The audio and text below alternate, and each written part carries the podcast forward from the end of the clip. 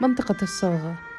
الواحدة ظهرا داخل الصاغة تلك المنطقة التاريخية العتيقة حيث الأزقة الضيقة المتفرعة من شارع الموسكي في ميدان الحسين المواجه للجامع الأزهر حيث تتراص محال بيع الذهب بجوار بعضها البعض على جانبي الشارع في رسم ما بين العشوائي والمنتظم يضفي على المنطقة كلها طابعا خاصا وروحا مختلفة من الجمال خاصة مع الحركة والنشاط الذين لا يتوقفان أبدا ليل ونهار.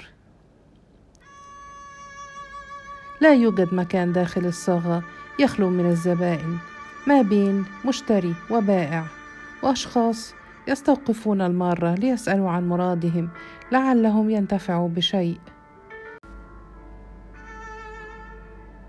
وبين وقت وآخر تشق أصوات الزغاريد المميزة أجواء المكان إعلانا عن شراء شبكة الزواج ودفع العريس آخر مليم في جيبه إرضاء لوالدة عروسه وتأكيدا على أن العروس ليست أقل من ابنة خالتها أو عمتها أو جارتها أو كل الأهل والمعارف.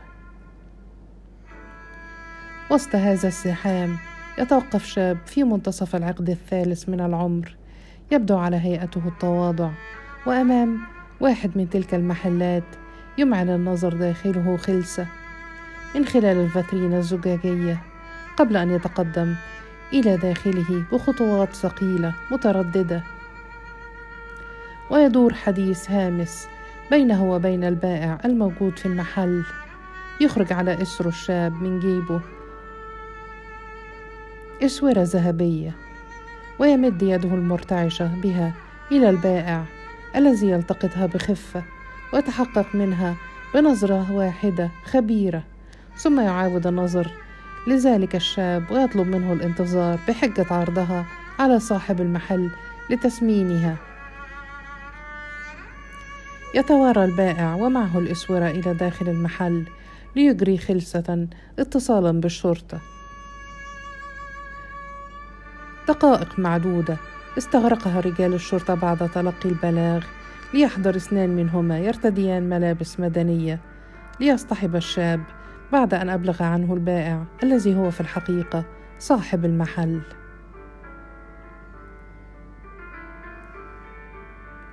مكتب هاني. الرابعة مساء. وقف الشاب. بطل موقعة الصاغة أمام هاني. الذي كان جالسا خلف مكتبه يتفحصه بنظرات حادة ثاقبة فيما وقف في الخلف اثنان من أمناء الشرطة أصحاب الجثث الضخمة واليد الغليظة الباطشة.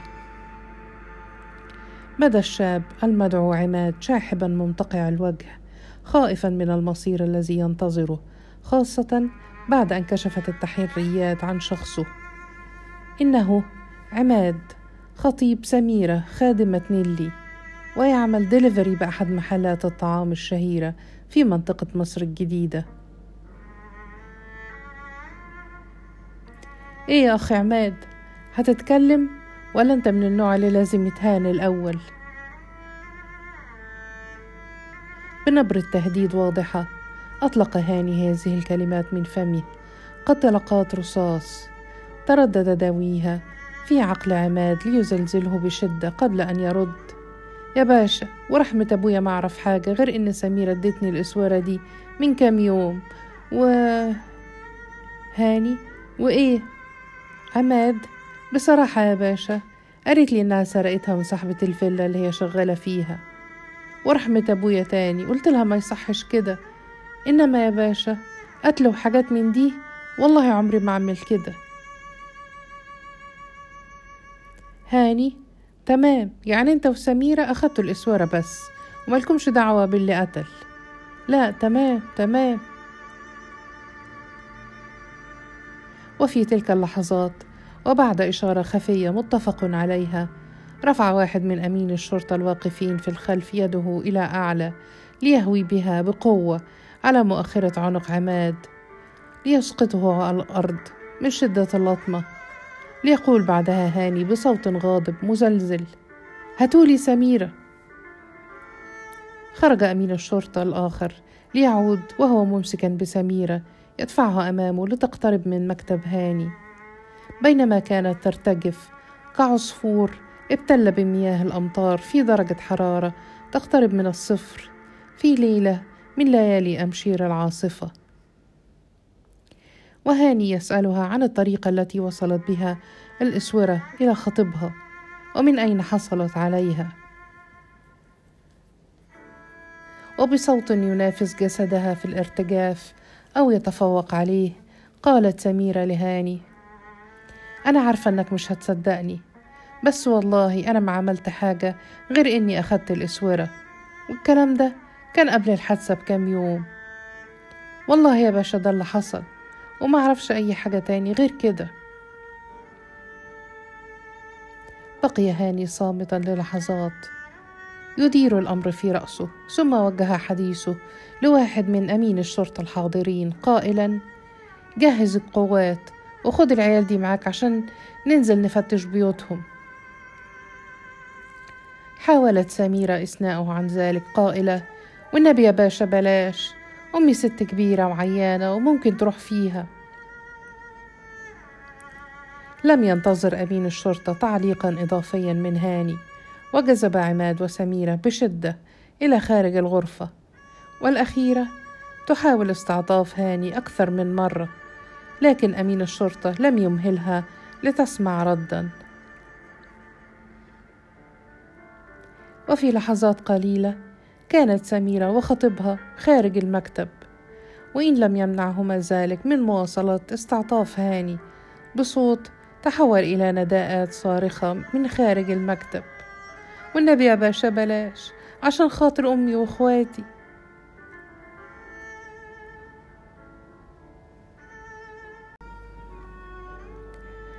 ساقية مكي بالجيزة الخامسة والنصف مساء. في تلك المنطقة الواقعة جنوب محافظة الجيزة والمطلة على شارع البحر الأعظم قرب القرية الفرعونية والتي يتضح من اسمها أنها كانت حتى وقت قريب منطقة ريفية وتحديدا في شارع عبد المجيد رضوان الشهير بشارع الكلدير حيث يقع مصنع الماركة الشهيرة كلدير وقفت سيارة الشرطة أسفل منزل سميرة وهو بيت عتيق متهالك امتلأت جدرانه بالشروخ. وما هي إلا لحظات معدودة حتى تجمع أهل المنطقة لمعرفة سبب دخول الشرطة إلى شارعهم. وهو موقف يتكرر كلما حضرت الشرطة إلى المنطقة. كان هاني أول من غادر سيارة الشرطة وتبعه أمناء الشرطة والمخبرون. وأحدهم يمسك سميرة من يدها بإحكام. وفي خطوات سريعة بالنسبة لرجال الأمن بطيئة جدا بالنسبة لسميرة.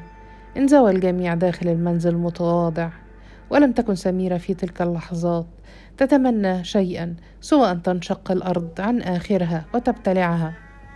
قبل أن تجد نفسها أمام أمها في هذا الموقف المخزي خاصة بعد الفضيحة التي حدثت أمام أهل المنطقة أيضا. منزل أسرة سميرة كان مزدحما بالأم العجوزة المريضة منذ سنوات وعدد من الأخوة مختلف الأعمار. جميعهم أصغر من سميرة. وما إن أصبح الجميع داخل المنزل حتى أمر هاني القوة المرافقة له بتفتيش كل ركن فيه لينفجر كل من بداخله من أهل سميرة بالبكاء. عملية التفتيش لم تستغرق سوى دقائق قليلة. عاد بعدها المخبرون والأمناء إلى هاني مؤكدين عدم العثور على أي شيء غير قانوني أو مثير للشبهة. وأمر هاني قواته بمغادرة المنزل ومعهم سميرة. ووسط نحيب والدتها وصراخ وبكاء أشقائها. الصغار اتجه الركب إلى منزل عماد خطيب سميرة لتفتيشه أيضا.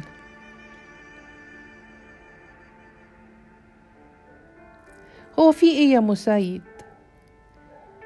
وجهت واحدة من أهالي المنطقة هذا السؤال إلى إحدى جارات سميرة التي أجابت دي سميرة بنت نحمده بيقولوا مسكوها هي وخطيبها عماد بن رتيبة اللي في الشارع اللي ورانا وهما بيسرقوا.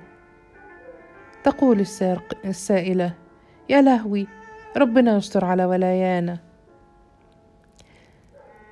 سمعت سميرة أثناء عودتها إلى سيارة الشرطة هذا الحوار الذي دار بين السيدتين وكل منهما في شرفة منزلها.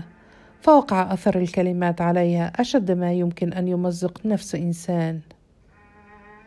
وفي منزل عماد الذي لم يكن يختلف كثيرا عن منزل خطيبته حتى في قاطنيه تكرر الموقف ولم يتم العثور على شيء يستحق الاهتمام.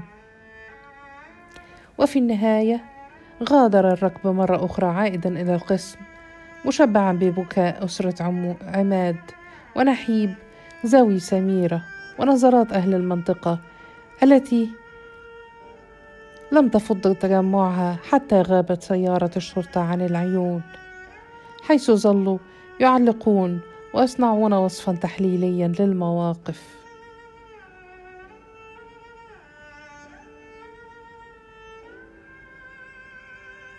أمام غرفة هاني التاسعة مساء عاد هاني إلى مكتبه وقبل أن يدخله أشار لاحد أمناء. الشرطة بإشارة ذات معنى فهمها الأخير فورا وهاني يقول عايزهم يفتكروا إن اللي حصل. من يوم ما اتولدوا. ورد أمين الشرطة بحماسة منقطعة النظير تعليماتك يا باشا. لم تكن تلك الكلمات القليلة التي سمعها عماد وسميرة. بوضوح تام بحاجة إلى كثير من الذكاء حتى يدرك ما هم مقبلان عليه.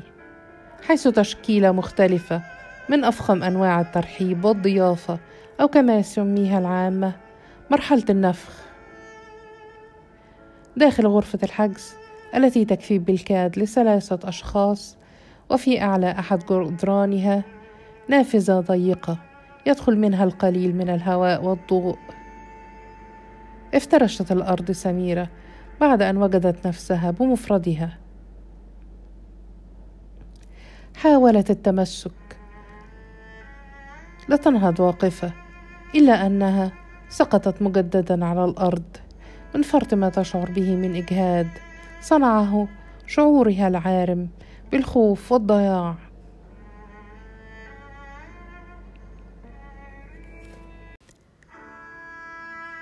تحاملت سميرة على نفسها واستندت إلى الحائط حتى وصلت إلى الباب. وبكل ما تبقى لها من قوة صرخت قائلة أنا عايزة حسام بيه. حد يقول حسام بيه سميرة عايزة تقابلك. دقائق قليلة وحضر أحد أمناء الشرطة ليصطحبها للمقابلة التي طلبتها. لحظات ووجدت نفسها واقفة بين يدي حسام داخل مكتبه. وهو يسألها بنبرة صارمة تخلو من أي تعاطف عايزة إيه يا سميرة؟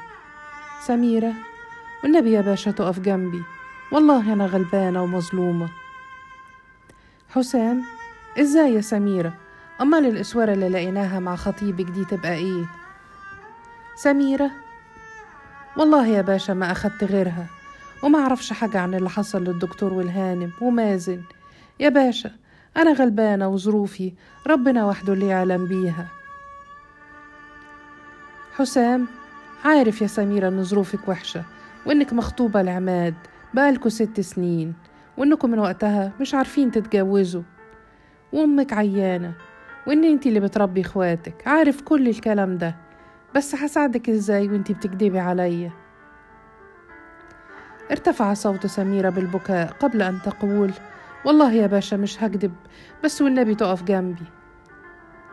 يرمقها حسام بنظرة مشفقة قلما يشعر بها تجاه متهم ثم يشير إليها بيده لتحكي ما لديها فتندفع قائلة قبل الحادث بكم يوم كانت المدام مسافرة والدكتور في شغله وما كانش فيه غيري أنا ومازن في الفيلا ولقيت الإسورة واقعة على الأرض.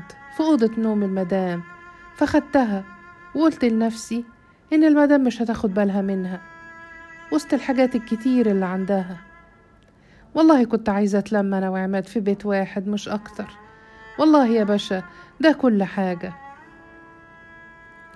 حسام طيب وعماد سميرة ملوش دعوة بأي حاجة. هو معرفش غير من يومين. لما قلت له ياخد الإسورة يبيعها. ويا ريتني ما خدتها ولا اديتها له. أعاد حسام سميرة إلى الحجز وبقي مع هاني داخل المكتب الأول يتناولان كوبان من الشاي. وشرد حسام قليلا مفكرا فيما وصلت إليه تطورات القضية إلا أن هاني قرر قطع هذا الشروط فقال إيه رأيك يا باشا؟ رد حسام ولم يزايله شروطه بعد. رأيي في إيه؟ هاني في قصة سميرة الشغالة وخطيبها. حسام ما هو ده الموضوع اللي شغلني مش قادر أجزم بس عندي إحساس إنه مش هي اللي ورا الحكاية. هاني ليه؟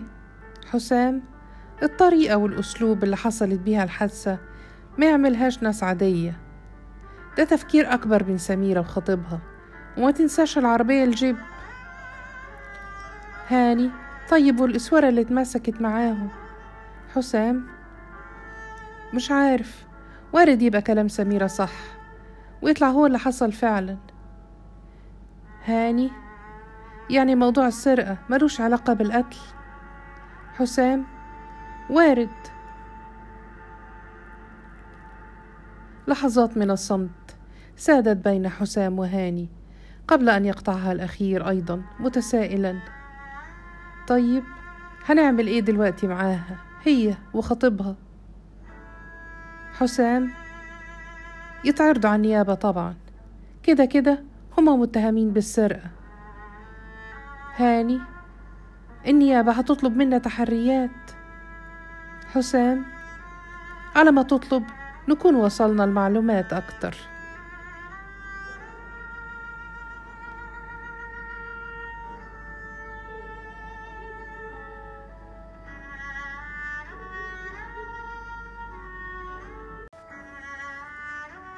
المقطم.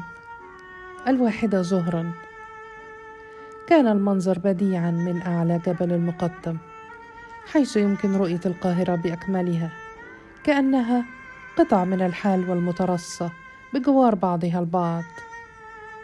فمن أعلى هذا الجبل يمكن مشاهدة معالم تلك المدينة من قلعة صلاح الدين وبرج القاهرة ونهر النيل وصولا للأهرامات معجزة معجزات البشرية.